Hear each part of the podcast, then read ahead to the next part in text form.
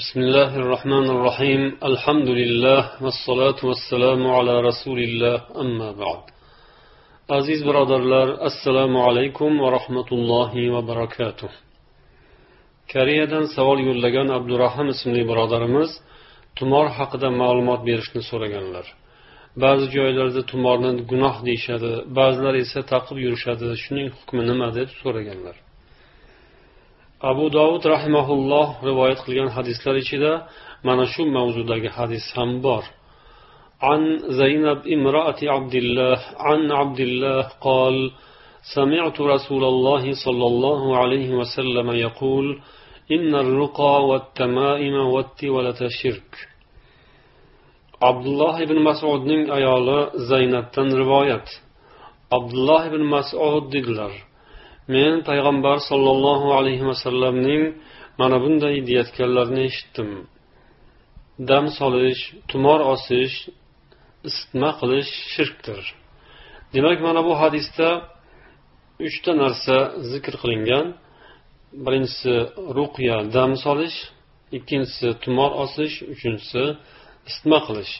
Bu yerda payg'ambar sollallohu alayhi vasallam qaytargan ruqya dam solish islomga muvofiq kelmaydigan qur'on va sunnatning mavzusi ma'nosiga xilof keladigan qur'on va sunnat ko'rsatgan yo'lga xilof keladigan duolar bilan dam solish nazarda tutilgan bo'ladi.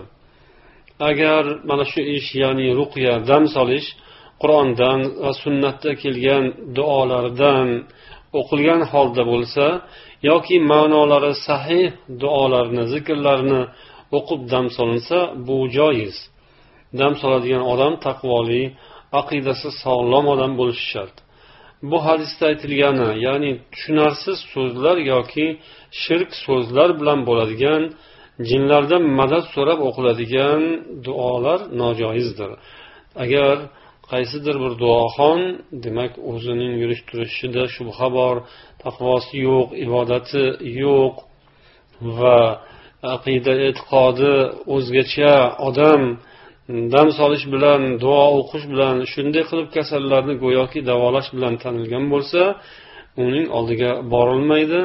Chunki uning o'qiyotgan duolarida zikrlarida shirk kalimalar noto'g'ri kalimalar o'qiyotgan bo'ladi. Ana shu mavzuda ana shu ma'nodagi dam solish demak mumkin emas uning oldiga borish mumkin emas.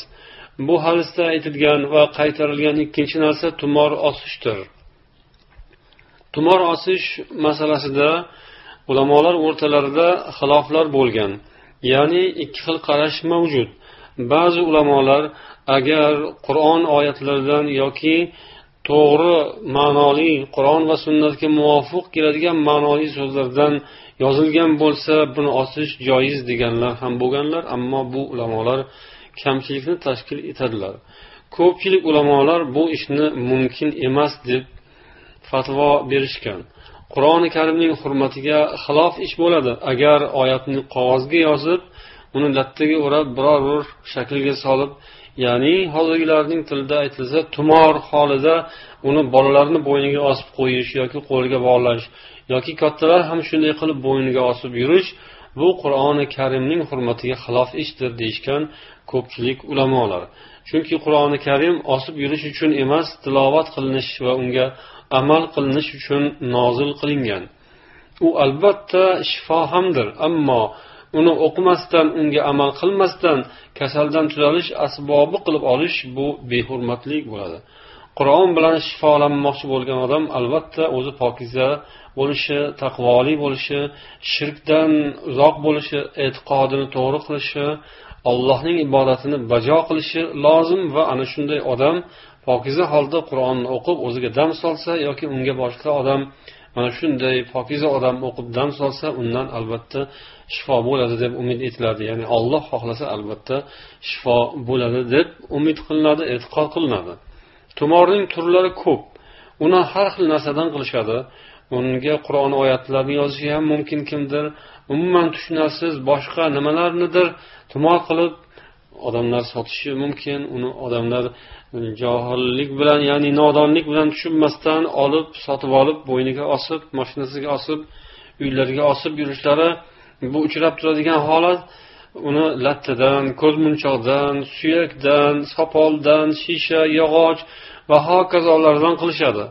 Ba'zilar otning taqasini ham osib olishadi yoki moshinalarga yopishtiradi uylarga eshiklarga osib qo'yishadi. Yana kimlardir hayvon kalla suyaklarini uylarga osib qo'yadilar. Bunday narsa odamlar o'rtasida tarqalgan lekin bu ishlar jaholatdan sanaladi ya'ni nodonlikdan besavodlikdan va bu ishlar islomga odamlar olib kirgan xurofot ishlardir. Bidat irim sirim ishlardir. Bunday narsalardan payg'ambarimiz sollallohu alayhi vasallam qaytarganlar. Kimki biror tumor osib olsa olloh uning ishini oxiriga yetkazmasin yoki olloh uning ishini osiltirib qo'ysin deganday. Ya'ni o'shanday ishga qo'l uradigan tumor osib shunga e'tiqod qiladigan odamlarning ishlari oxiriga yetmasligini payg'ambar sollallohu alayhi vasallam aytganlar. Hamma ishlarning idorasi ollohning izmida ollohning ixtiyorida. Alloh taolo o'zining aytganini qilgan o'ziga bo'ysungan taqvoli halol pokiza bandalarga albatta nusrat beradi yordam beradi ularning duolarini qabul etadi. Ammo allohning yo'liga xilof yo'l tutgan shirk va xurofotga botgan insonlarga aslo olloh yordam bermaydi. Ularga shaytonlar jinlar ilashadi va ularning ko'ziga go'yoki yordam bo'layotganday tuyulishi mumkin. Shaytonlar ularning ko'ziga mana shu noto'g'ri yo'llarni noto'g'ri ishlarni ziynatlab ko'rsatadi va shunday qilib inson adashib oxiri oqibati halokatga yuz tutishi mumkin. Olloh asrasin. Demak bunday ishlardan ehtiyot bo'lish kerak. Tumor osish yoki boshqa bu insonga foyda bermaydi. Hech qanday bundan manfaati yo'q.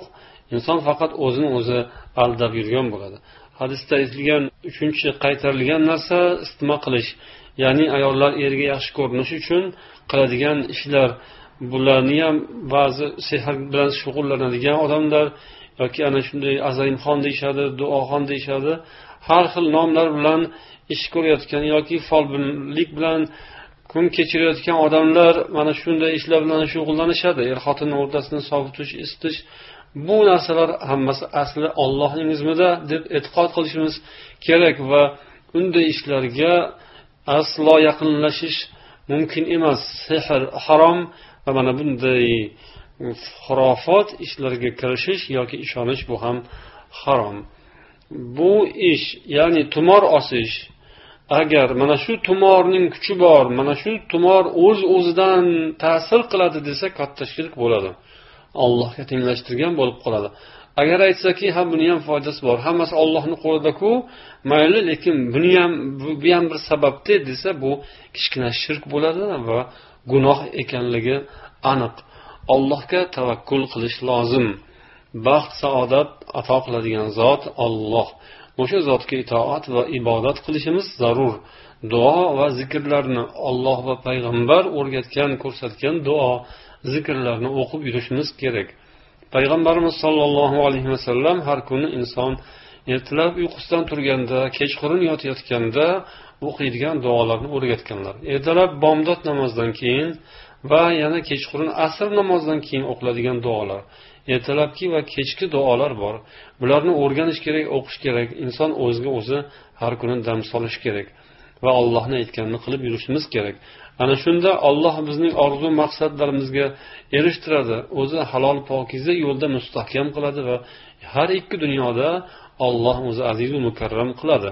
Alloh barchamizga ana shunday baxtu saodatli hayotni bu dunyoda ham oxiratda ham nasib etishini so'rab qolamiz.